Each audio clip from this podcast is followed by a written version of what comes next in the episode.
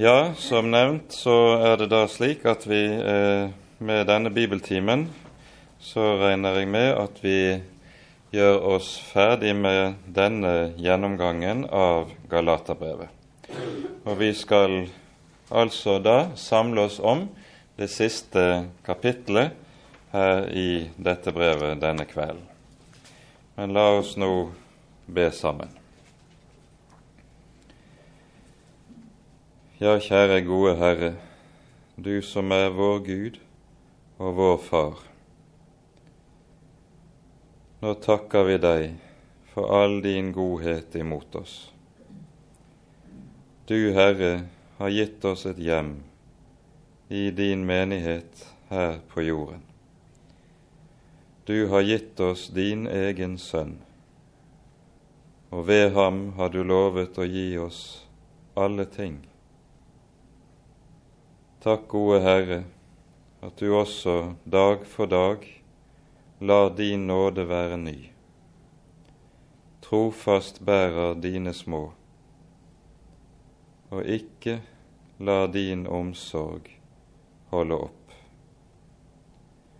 Så ber vi, Herre, at du vil være hos oss denne kvelden, at du vil sende din Hellige Ånd og åpenbare dine ord for oss, slik at det også kan smelte sammen med våre hjerter. Herre, lær oss du, så det kan være sant at vi er det folk som er lært av deg. Det ber vi i Jesu navn, og takker og lover deg, Herre, fordi du er god og fordi din miskunnhet varer til evig tid. Amen. Da gjør vi det slik at vi leser sammen det sjette kapittelet i eh, sammenheng. Brødre, om også et menneske blir overlistet av noen synd, da hjelp ham til rette, dere åndelige, med saktmodighetsånd. Men se til deg selv at ikke du òg blir fristet. Bær hverandres byrder, og oppfyll på den måten Kristi lov. For dersom noen tykker seg å være noe, og er dog intet, da dårer han seg selv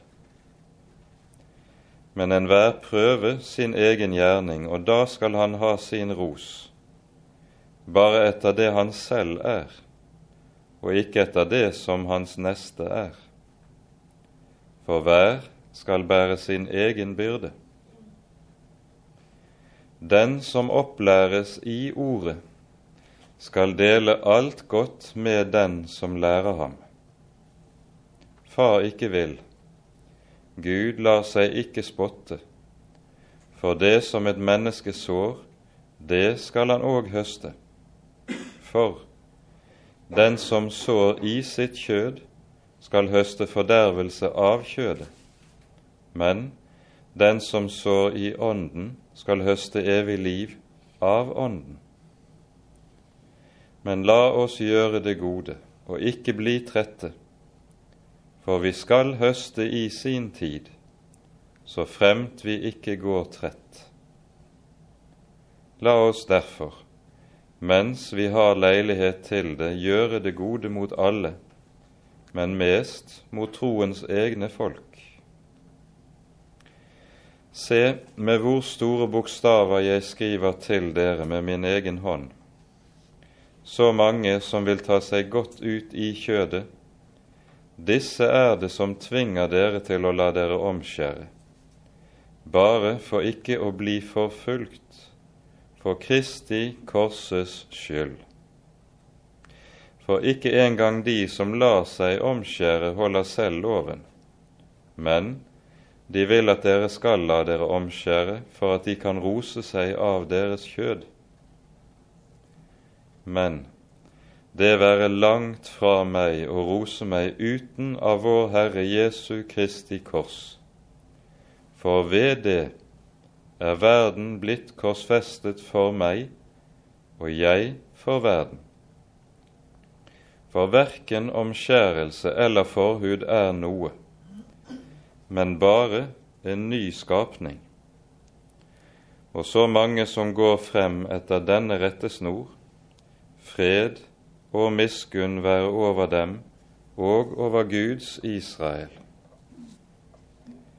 Heretter volde ingen meg uleilighet, for jeg bærer Jesu merketegn på mitt legeme. Vår Herre Jesu Kristi nåde være med deres ånd, brødre. Amen.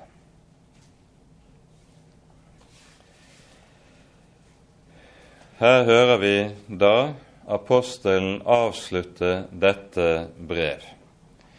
Og det han gjør henimot avslutningen, det er for det første, slik som vi ser det i alle apostelens brever, at han samler trådene i formaninger som handler om det kristne livet.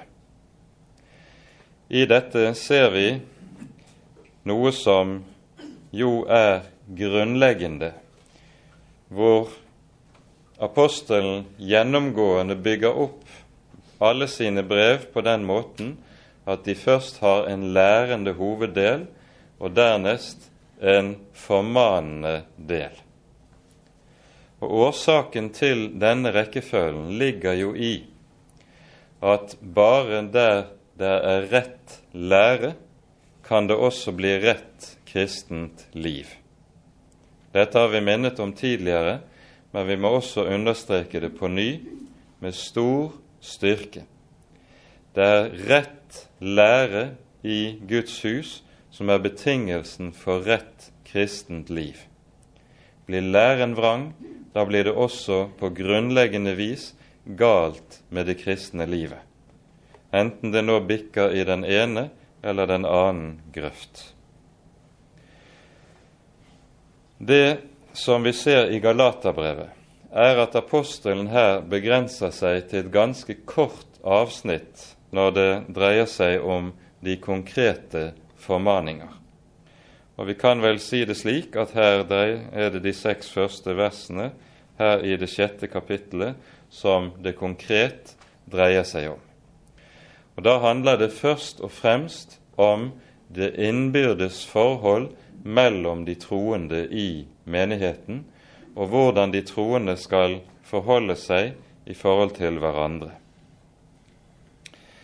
Det første apostelen her minner om, er den omsorg som troens folk skal vise overfor en bror som snubler.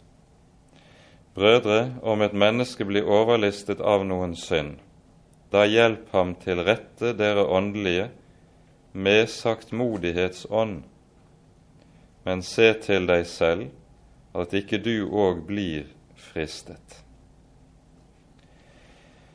Her hører vi en formaning som slett ikke alltid huskes meget på i våre dager. I, mer, i, i våre dager er det meget oftere slik at Folk trekker på skulderen og sier det angår ikke meg hvordan det er med min bror, og hvordan han lever. Men i Guds menighet skal det være slik, om det er rett, at om en bror snubler, da skal vi ta oss av ham. Vi legger merke til uttrykket Paulus her bruker, om han blir overlistet av noen synd. Det er altså tale om en synd som ikke kommer av bevisst oppsetsighet mot Herrens ord, men det er tale om slik synd som kommer av kanskje manglende årvåkenhet, eller av at man snubler så å si i sine egne ben på grunn av kjødets skrøpelighet. Da trenger vi hjelp av hverandre. Og nå sies det et par ting her som vi skal merke oss. For det første sies det at de troende skal hjelpe hverandre til rette med saktmodighetsånd. Det vil si, ikke den hjertets hårhet som følger av egenrettferdighet og selvgodhet. Det er jo veldig ofte slik at der det skjer som Galaterbrevet nettopp er skrevet imot, nemlig at loven kommer inn, loviskhet og lovtrelldom får rom i Guds folk, der kommer det også inn en egen art av hårhet og hjertekulde som nettopp er preget av selvgodhet. Slik at når noen faller, da er en snart og raskt ute med hårde og dømmende ord. Den ånden er fremmed for Guds folk. Når det er tale om saktsmodighetsånd, så er det to ting som hører med til denne. For det første, en kristen vet med seg selv at 'jeg er i samme båt som min bror som faller'. Jeg har den samme synd boende i mitt eget hjerte, og ligger omstendighetene slik til rette, så kan jeg utmerket godt komme til å falle i nøyaktig det samme ja, kanskje i større og grovere synder også. Derfor har jeg ingen grunn til å opphøye meg. Jeg er i samme båt. Det er det første som tilhører saktmodigheten. Det annet som hører til med saktmodigheten, det er at det preger den måten som ting blir sagt på. For vi vet hvordan det er med slike ting. Den som setter seg på sin høye hest og slår sin neste i hodet med klubbe, han kan kanskje si ting som i og for seg er rett og sant, men det er ingen kjærlighet i det, og det er ingen omsorg for broderen. Vi møter dette saktmodige sinn i meget ofte når vi hører om hvorledes Herren oppsøker og kaller på mennesker som faller. Typisk allerede i forbindelse med syndefallsfortellingen. Når Herren kaller på Adam og Eva, hvorledes skjer det? Jo, i spørsmålets form. Adam, hvor er du? Eva, hva har du gjort? Og dette spørsmål det er jo også en art forkynnelse av Guds lov og av Guds bud.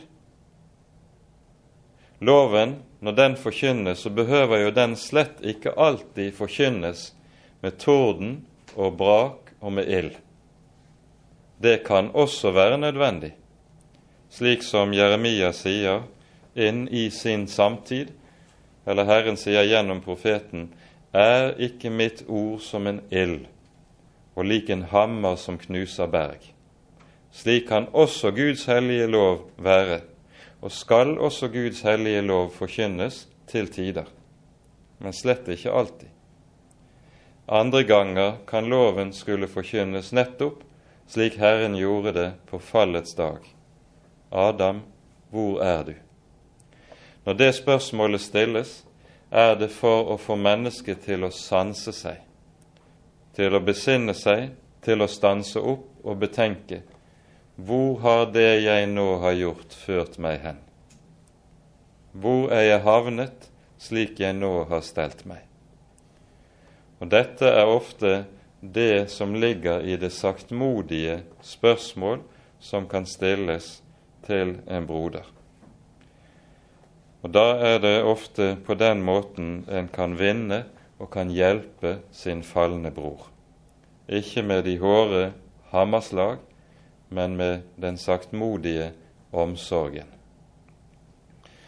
Her skal vi også minne om ordene som står ved avslutningen av Jakobs brev i det femte kapittelet.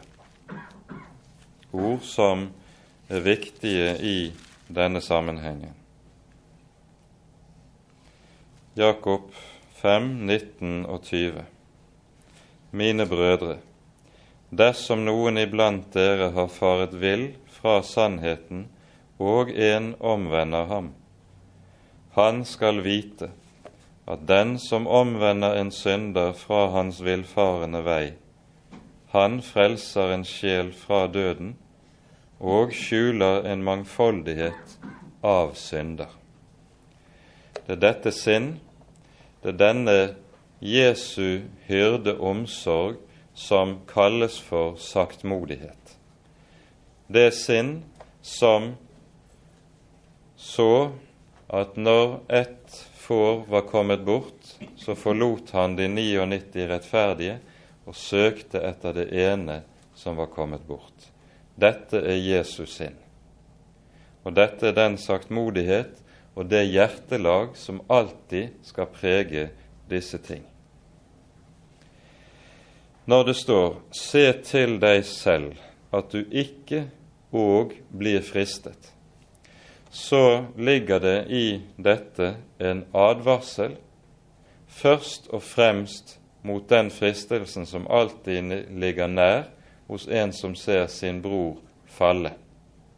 Og det er nettopp fristelsen til egenrettferdighet og selvgodhet.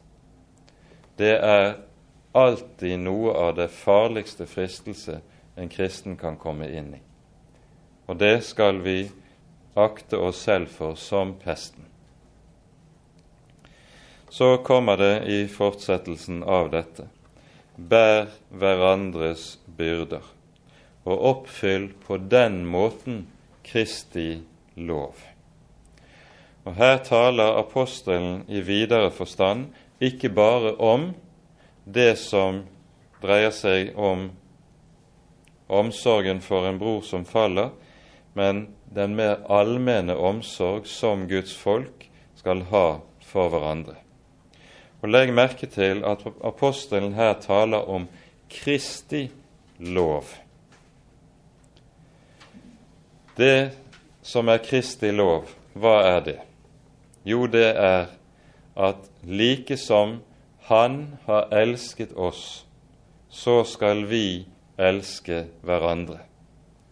Det er det sinn Jesus har møtt oss med, som vi skal møte vår neste med. Og hva er det Jesus har gjort for meg? Det er jo nettopp at han har båret meg. Når vi i Matteusevangeliets ellevte kapittel hører Jesus komme med sin innbydelse Kom til meg, alle dere som strever og har tungt å bære, og jeg vil gi dere hvile. Så er jo denne innbydelsen som gis, en innbydelse som gis nettopp i kraft av at Jesus er den som kan bære. Det er et gammelt navn eller en gammel tittel på den Herre Jesus. Når han kom til verden, så var det nettopp med tanke på denne ene hovedsak å bære.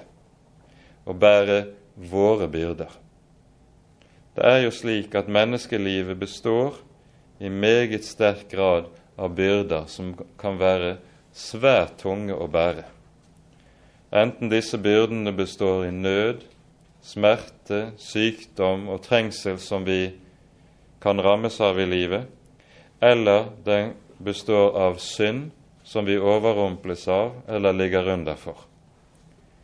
Alt dette er byrder som ligger i livet.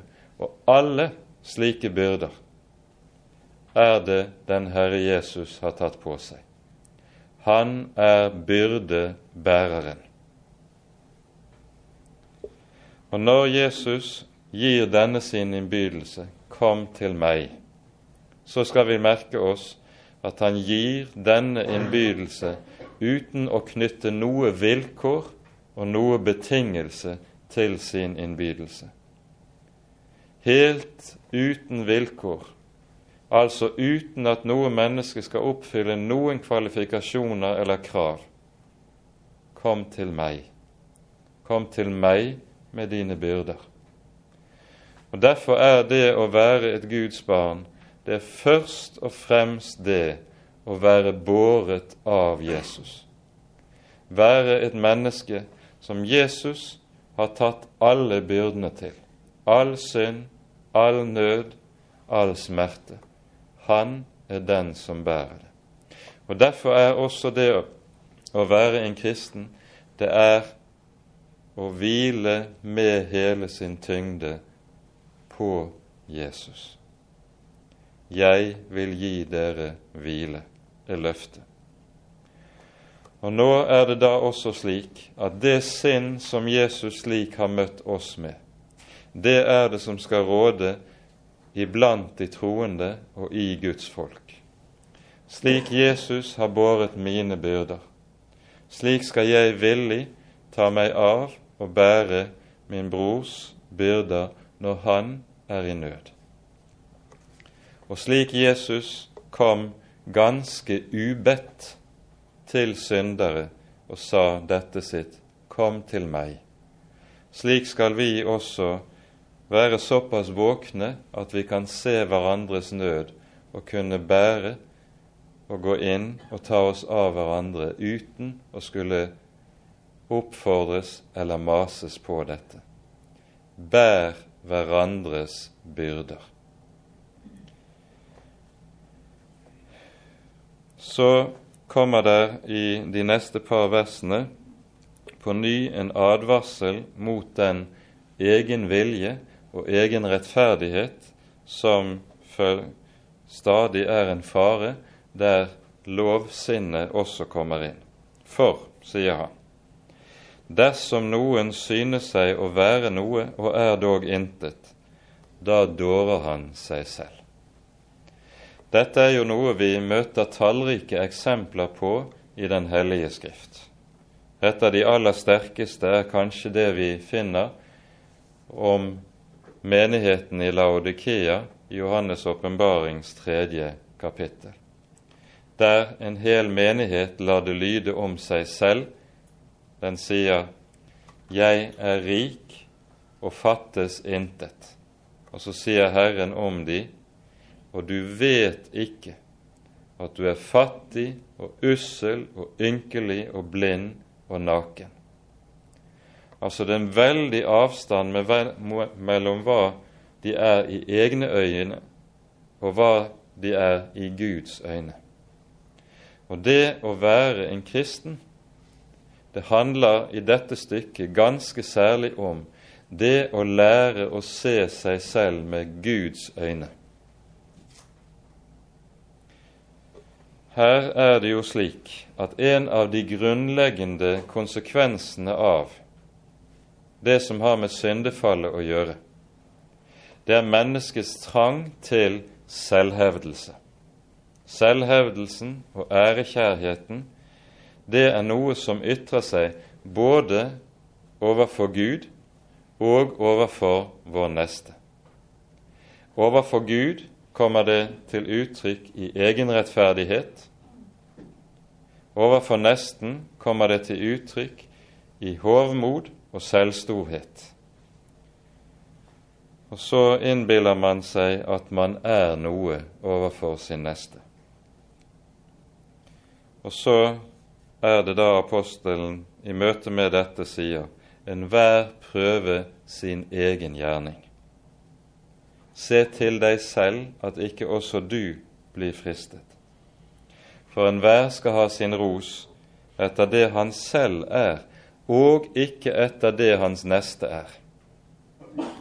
Det som ligger i dette, som Paulus her sier, er dette som er vår stadige fare, nemlig at vi sammenligner oss med andre mennesker.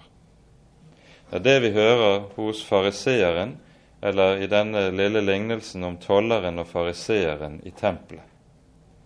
Gud, jeg takker deg at jeg ikke er som andre mennesker, eller som den tolleren der nede.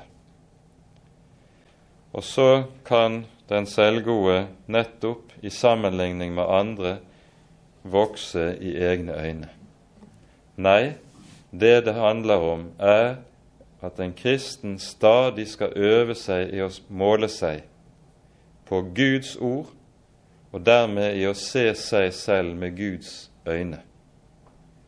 Da får jeg ikke så veldig stor trang til å heve meg over min neste. Og så slutter akkurat dette avsnittet med ordene for enhver skal bære sin egen byrde. Det kan synes som disse to ting som vi hører i vers 2 og vers 5, virker selvmotsigende. Først sier apostelen 'bær hverandres byrder', og så 'enhver skal bære sin egen byrde'. Men dette sier noe om det som er det rette forholdssettet mellom de troende. En kristen skal ikke springe rundt og legge sine egne byrder på andre kristne uoppfordret. Men motsatt, vi skal, når vi ser en kristen som er i nød, skal vi ta oss av ham. Altså, det handler noe om hva som er mitt kall og min oppgave. Er jeg så i nød og vansker, så går jeg ikke rundt da og legger mine bører på alle andre. Det kan fort bli en plage for mennesker. Men motsatt, når jeg ser min neste, da skal jeg gå og gi han det han trenger om han er i nød.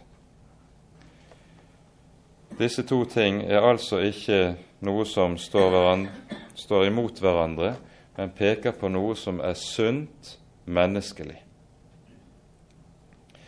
Så fortsetter apostelen på dette med en særlig formaning i det sjette verset, som alltid er av grunnleggende betydning i Guds folk. Den som opplæres i Ordet, skal dele alt godt med den som lærer ham. Dette peker på at Guds folk alltid har ansvar for å sørge for de som har kallet til å forkynne Guds ord i menigheten. Det er etter Jesu eget ord i Matteus 10 en arbeider er sin lønn verd. Det var perioder i det gamle Israels historie der folket ikke sørget for å betale tienden til tempelet. Tienden var jo det som var prestenes livsopphold fordi de ikke hadde fått lodd og del i det lovede land, slik som folket for øvrig hadde fått det. Prestenes lodd og del var tienden som folket ga til tempelet. I forfallstider i Guds folk så unnlot folket å betale tienden noe som da førte til uvegerlig at tjenesten i Herrens hus også kom i forfall, fordi de som var satt til det, ble tvunget til å arbeide med, på andre felter for i det hele tatt å kunne berge livet. Dette er altså et forbilde på noe av det som alltid skal gjelde i Guds folk, den som opplæres i Ordet, skal dele alt godt med den som lærer ham. Det er en forpliktelse som ligger på Guds folk, og som gjentas uttrykkelig i en rekke av brevene i Det nye testamentet. Her er vi som troende ikke frie, men vi er bundet nettopp til å ta oss av hverandre. Og ordet om å bære hverandres byrder det sikter altså i særlig grad til dette. Når det vil være et normalt menighetsliv, så vil det også da være slik at dette foregår i ordnede former i menighetens liv. Men Guds folk skal huske på dette er en stadig forpliktelse for Guds barn. Så kommer apostelen over til et nytt avsnitt versene 7 til og med vers 9. Og Her møter vi noe som er en grunnlov i alt menneskelig liv overhodet. Far ikke vil. Gud lar seg ikke spotte, for det som et menneske sår, det skal han òg høste. For den som sår i sitt kjød, skal høste fordervelse av kjødet men den som sår i Ånden, skal høste evig liv av Ånden. Her møter vi det store enten-eller, som vi har pekt på ganske særlig i forbindelse med det femte kapittelet her i Galaterbrevet. Enten lever vi i kjødet, eller lever vi i Ånden. Og altså enten sår vi i kjødet eller i Ånden.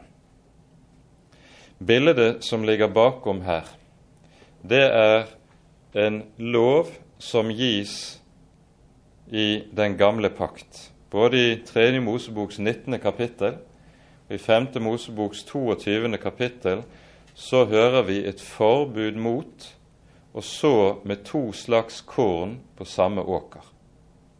Skal bare være ett slag korn på den ene slags åker. Og slik er dette et forbilde på at en kan ikke så både i kjødet og i ånden. En kristen står her overfor et skarpt enten-eller. Enten vandrer vi i ånden eller i kjødet. Enten sår vi i ånden, eller sår vi i kjødet. Altså ikke to slags sæd på samme åker. Den grunnlov vi møter her, den handler om to ting. For det første sikter det til hvorledes Gud har innrettet livet her i verden. Når mennesket falt i synd, slik vi hører om det i Første Mosebok, hva er den umiddelbare følgen av det? Jo, vi hører Gud si til Adam og Eva, fordi du gjorde dette, skal jorden være forbannet for din skyld. Det som altså følger i kjølvannet på syndefallet, er forbannelsen som kommer inn over menneskenes liv. Det vi skal være klar over, er at det er en Guds nåde at denne forbannelse følger i kjølvannet på synden. Hvorfor? Tenk deg om det motsatte var tilfellet. At mennesket kunne få lov til å leve i synden og fortsatt eie Guds velsignelse over sitt liv. Hva ville det medføre? Jo, det ville jo medføre at intet menneske noen gang ville stanse opp, besinne seg og omvende seg. Og dermed så ville en så å si gå like i fortapelsen med Guds velsignelse i bagasjen. Nei, det at Gud har sørget for at synden alltid følges av forbannelsen, det er det som er årsaken til at mennesket også kan stanses opp i sitt løp. Dette ser vi om igjen og om igjen i menneskenes liv. Et menneske kan leve vilt etter sine egne lyster og etter sin egen vilje. Og så lenge det går godt med det i livet, så fortsetter det også rake veien. Men så rammes en kanskje av en ulykke, av sykdom eller nød. En tas til side, en tvinges inn i stillheten. Og så blir nøden det stedet en blir stanset opp og har mulighet til å besinne seg. Det er jo dette vi ser i fortellingen om den fortapte sønn. Så lenge han hadde penger og kunne leve det gode liv, da stanset han aldri opp. Men når han lå der blant svinene, da står det om ham da kom han til seg selv. Når han var rammet av forbannelsen på grunn av at han sådde i kjødet, da var det han kunne besinne seg. Og slik ser vi stadig at Gud bruker i sitt styre, i sitt forsyns styre, så bruker han det at mennesker rammes av slike ting i livet, nettopp for å kunne stanse opp og få mennesket til å vende om. Dette ser vi altså på ny og på ny, både av den kristne erfaring, og vi ser det i Guds ord. Dette er det ene feltet dette gjelder på. Men dette gjelder jo også enn mer i møte med den siste dom, at den som sår i kjødet, skal høste fordervelse av kjødet. Dersom den som sår i kjødet, ikke stanser opp, ikke vender om, så er utgangen på det fordervelsen og fortapelsen. Og dette er det forferdelige alvor som Den hellige Skrift på ny og på ny minner oss om. Det er to utganger på livet. Det er et stort enten-eller, og det er ingen mellomvei. Det er ingen tredje mulighet imellom disse to. Den som sår i kjødet, skal høste fordervelse av kjødet. Den som sår i Ånden, skal høste evig liv av Ånden. Så minner apostelen i neste verset om men la oss gjøre det gode og ikke bli trette, for vi skal høste i sin tid, så fremt vi ikke går trett. Her siktes det på det som er det kristne livet. Og vi trenger ikke minst å minne oss selv og hverandre om det som her sies ikke bli trette. For det hører med til noe av det grunnleggende i det kristne liv at ofte kan det være slik at en sår og en arbeider, og så ser det ut som det kommer ingen resultater. Det kommer ingen frukt av vårt arbeid og av vårt strev. Det ene året følger det annet i tjenesten og i arbeidet i Guds rike, og så skjer det ingenting. Det som da er fristelsen, det er motløsheten. Det er fristelsen til at vi går trett, fordi det nytter jo ikke allikevel. Da er det vi skal stille oss selv spørsmålet Er det arbeid vi står i og virker i, er det fra Gud? Er det av ham? Da skal vi få lov til å fortsette, helt uavhengig av om vi ser resultat eller ei. For her har vi også noe av en grunnlov i Guds rike som er gitt oss i den 126. salmen. De som sår med tårer, skal høste med fryderop. Det er nemlig ikke slik i Guds rikes liv og i Guds rikes arbeid at tingene skjer kjapt og bare ved å trykke på knappene. Sånn vil jo særlig mennesker i vår tid ha det. Vi setter inn et eller annet åndelig tiltak eller virkemiddel, og så forventer vi nå må det skje noe. Men så skjer det ingenting. I Guds rike er det nemlig ikke slik. Og Her har vi også et ord fra Det gamle testamentet som vi med fordel kan notere oss, og som er meget viktig. I Jesaja 8,1 så sies det slik snart bytte rov i hast. Og Jesaja skal gå inn til sin hustru, og så føder hun en sønn, og han skal bære nettopp dette navn, Maher Shalal Hashbas. Snart bytte rov i hast. Det betyr det som snart kommer, snart går. Lettvinte resultater som vinnes av ulike tiltak man fatter i Guds rikes arbeid, de forsvinner også meget fort. Det er like som såpeboblen som blåses opp, som ser veldig fin ut der den glitrer i solen, men så sprekker det og blir borte. Det som er av Gud, det har det med seg at det trenger tid. Det er som med alt levende. Det som spirer, det kommer aldri på én, to, tre. Det må ha sin tid, og så kommer det da også i sin tid. De som sår med gråt, skal høste med fryderop. Og kanskje vi også kunne si det motsatt. Det gjelder òg. De som sår med de lettvinte fryderop, de skal i sin tid høste med tårer. For det gjelder også motsatt vei.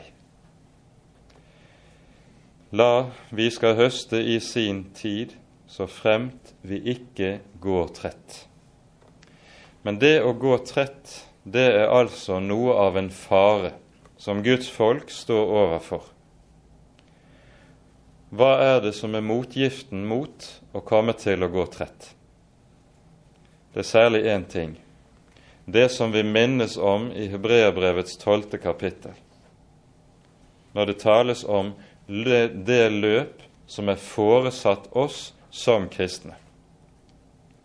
La oss legge av alt som tynger, sies det, og synden som henger så fast ved oss, og med tålmodighet løpe i den strid som er oss foresatt.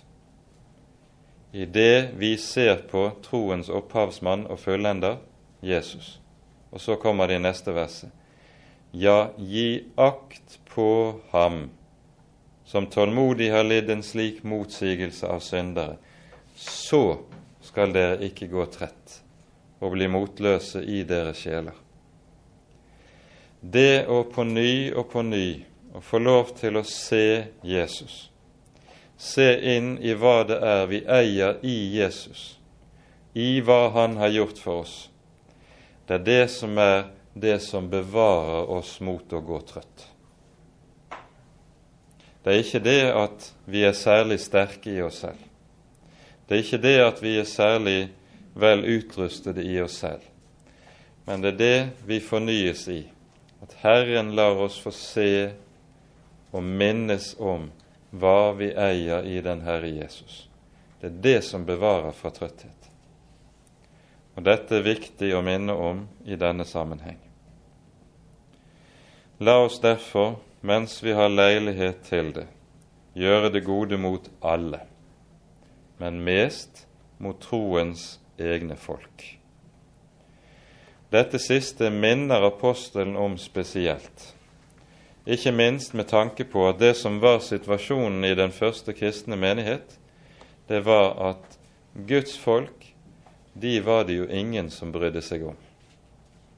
De led nød. De ble sett ned på. De ble foraktet, ja, de ble forfulgt av alle. Og Derfor var det særlig også slik at det var Guds folk de troende skulle tenke på og ta seg av, i spesiell forstand. Vis godhet mot alle, men mest mot troens egne folk, sies det. Det er da det, også dette som ligger i den siste av de store lignelsene som Jesus kommer med i Matteus 25.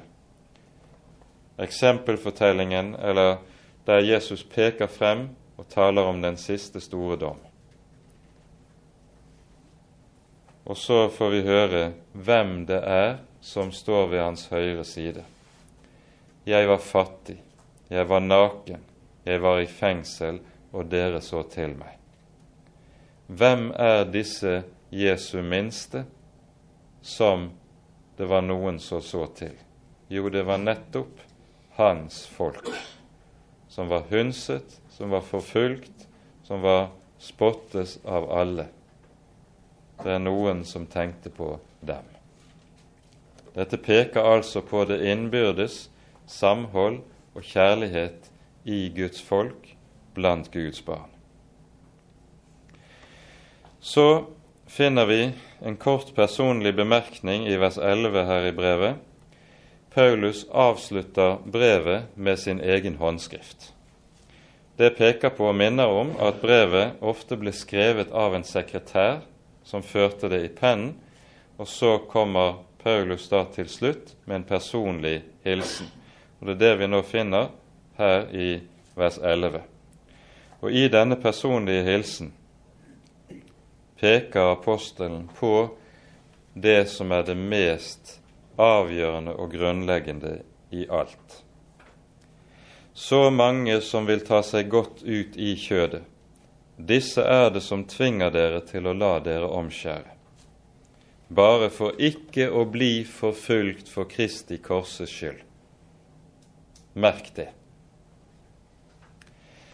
Det som lå bak, altså, hos disse som forkynte omskjærelse, det var først og fremst et anstøt mot Kristi kors.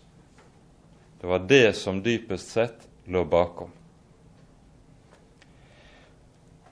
Dette anstøtet det er alltid paret med menneskelig ærekjærhet, ønske om anerkjennelse av andre mennesker.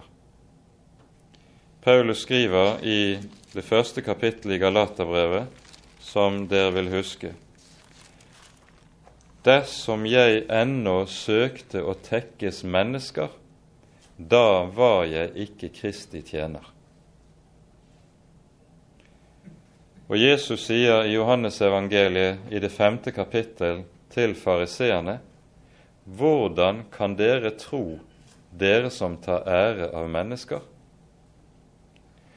Altså, det å trakte etter anerkjennelse og ære fra mennesker, det er den andre siden av anstøtet mot korset.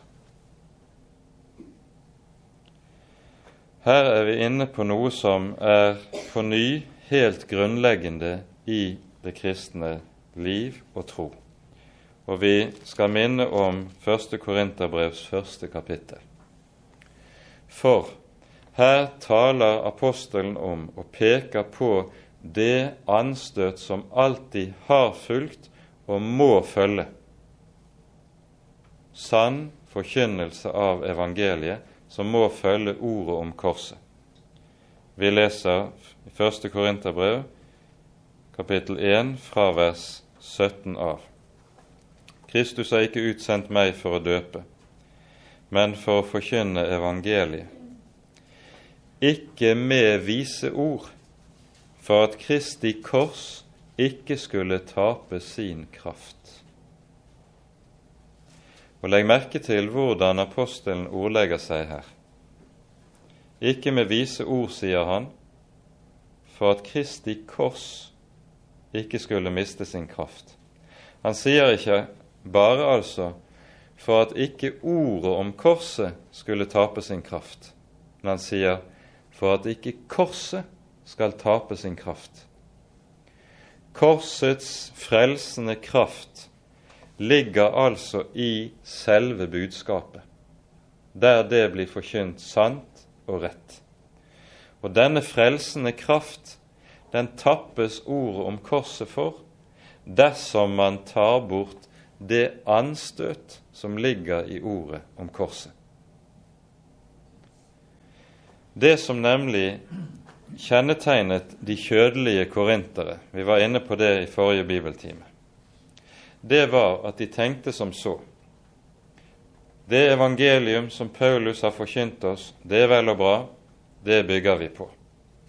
Men hvis vi nå skal nå lenger ut, dersom vi skal nå vår tids mennesker, så er det viktig at vi forkynner dette evangelium også med vår tids språk. Og hva var det som var tidens språk i Korint? Jo, det var visdommens, filosofiens. Korint var full av populærfilosofer som prekte på gater og streder.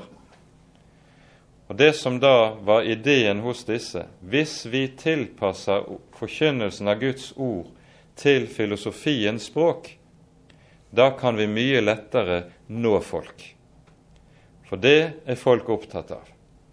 Kan vi forkynne ordet i evangeliet som en ny filosofi, som den nye visdomslære, da vil folk meget lettere komme til å tro på det.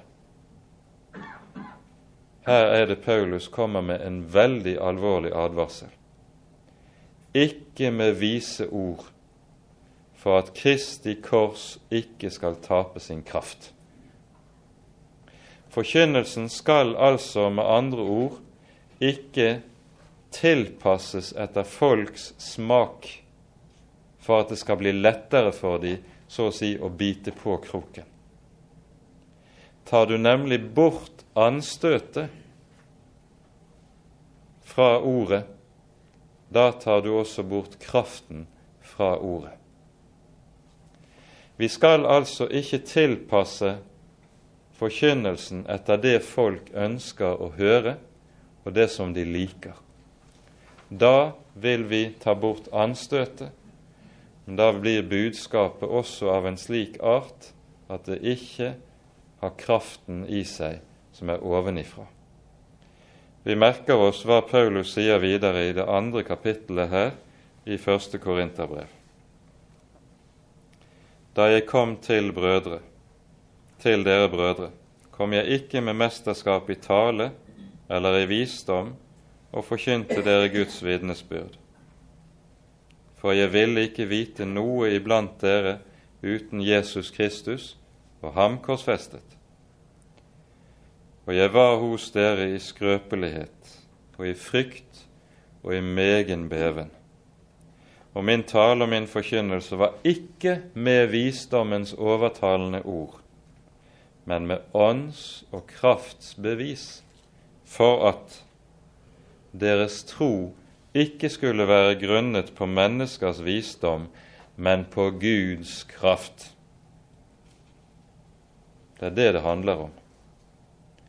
Dersom det er slik at evangeliet er Guds evangelium og ikke et menneskes verk, så skal det også tales slik som det er oss gitt, uten at en skjeler til hva mennesker tenker og hvordan de reagerer.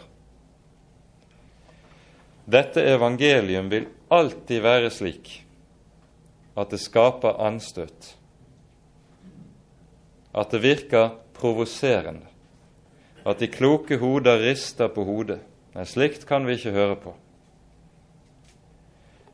Og samtidig, nettopp det som de kloke hoder rister på av, nettopp det er det som er til hjelp, til frelse, til trøst for de små, for syndere som vet at de trenger hjelp. Alle syndere holdt seg nær til Jesus for å høre ham, leser vi. De fikk nemlig hjelp når de holdt seg nær til ham. Og det er de som får hjelp i evangeliet. Og Derfor er det slik at Guds ord alltid har dobbelt virkning. Som Paulus også skriver her i Korinterbrevets første kapittel. Vi forkynner Kristus korsfestet, for jøder et anstøt, for hedninger en dårskap. Men for dem som er kalt, både jøder og grekere, forkynner vi Kristus, Guds kraft og Guds visdom.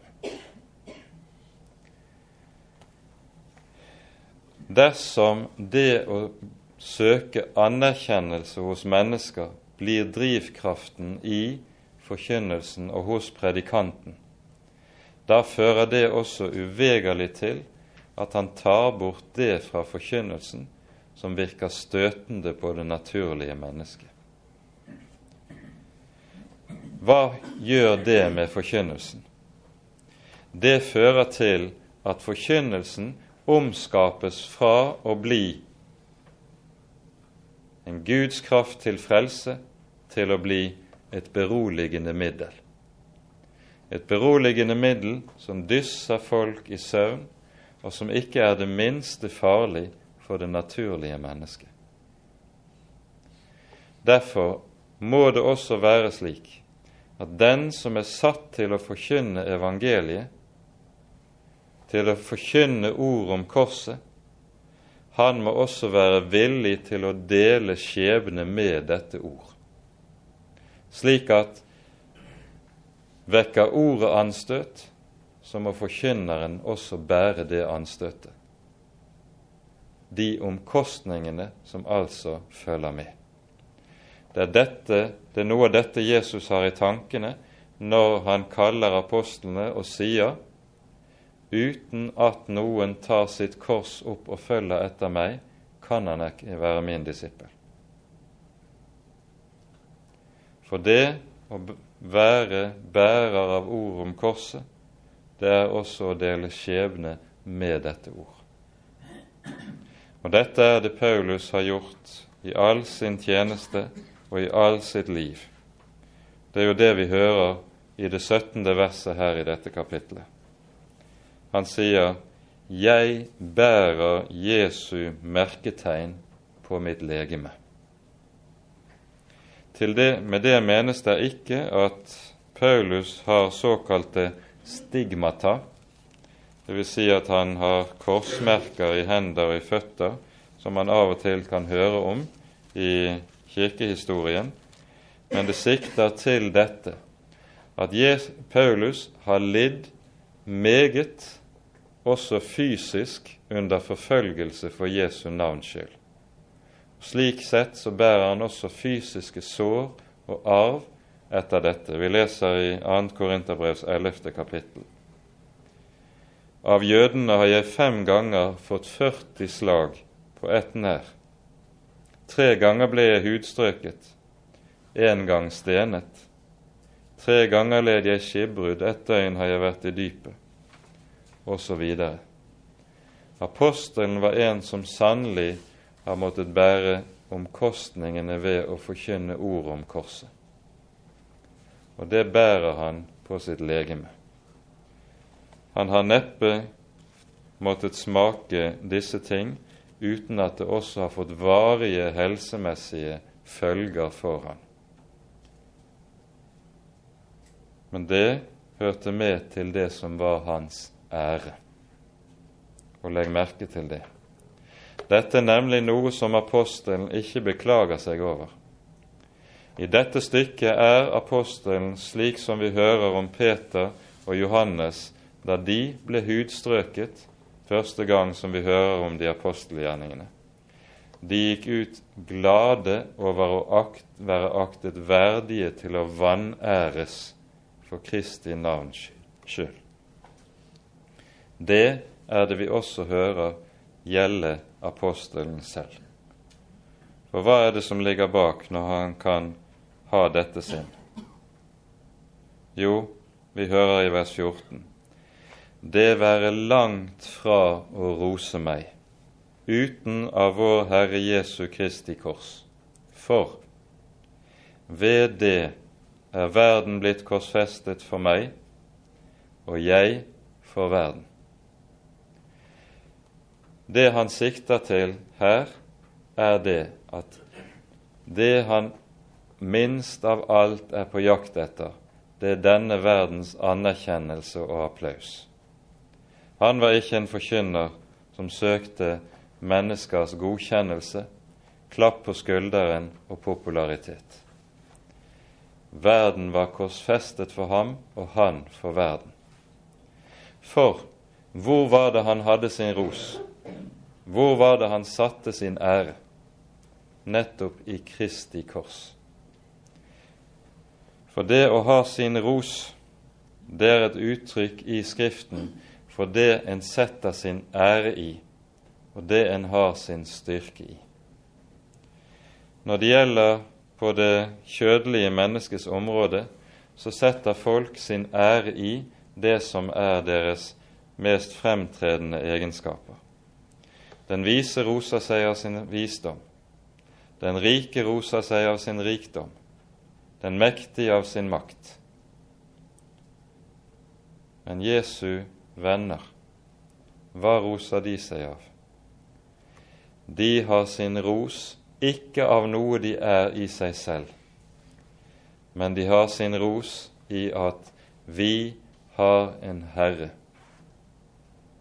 En Herre som er død for vår skyld, som elsket oss og ga seg selv for oss. Han er vår ære. Og så er det det som er grunntonen i det kristne liv. Tenk, jeg tilhører ham som døde for meg. I dette er det en kristen har sin ros. Og dette er noe som vi skal øve oss i å grunne over og besinne oss på. Min ros har jeg i min Herre Jesus og i Hans kors. Og så er det å være en kristen, det er å smelte sammen med den Herre Jesus i Hans død, for at vi også skal få del i Hans oppstandelse, som ligger foran og som er målet. Dette gjaldt for apostelen, og dette gjelder i ordets mest egentlige forstand også for hvert Guds barn. Vi har vår ros i Jesu kors. Amen. Ære være Faderen og Sønnen og Den hellige ånd, som var og er og være skal en sann Gud, høylovet i evighet. Amen.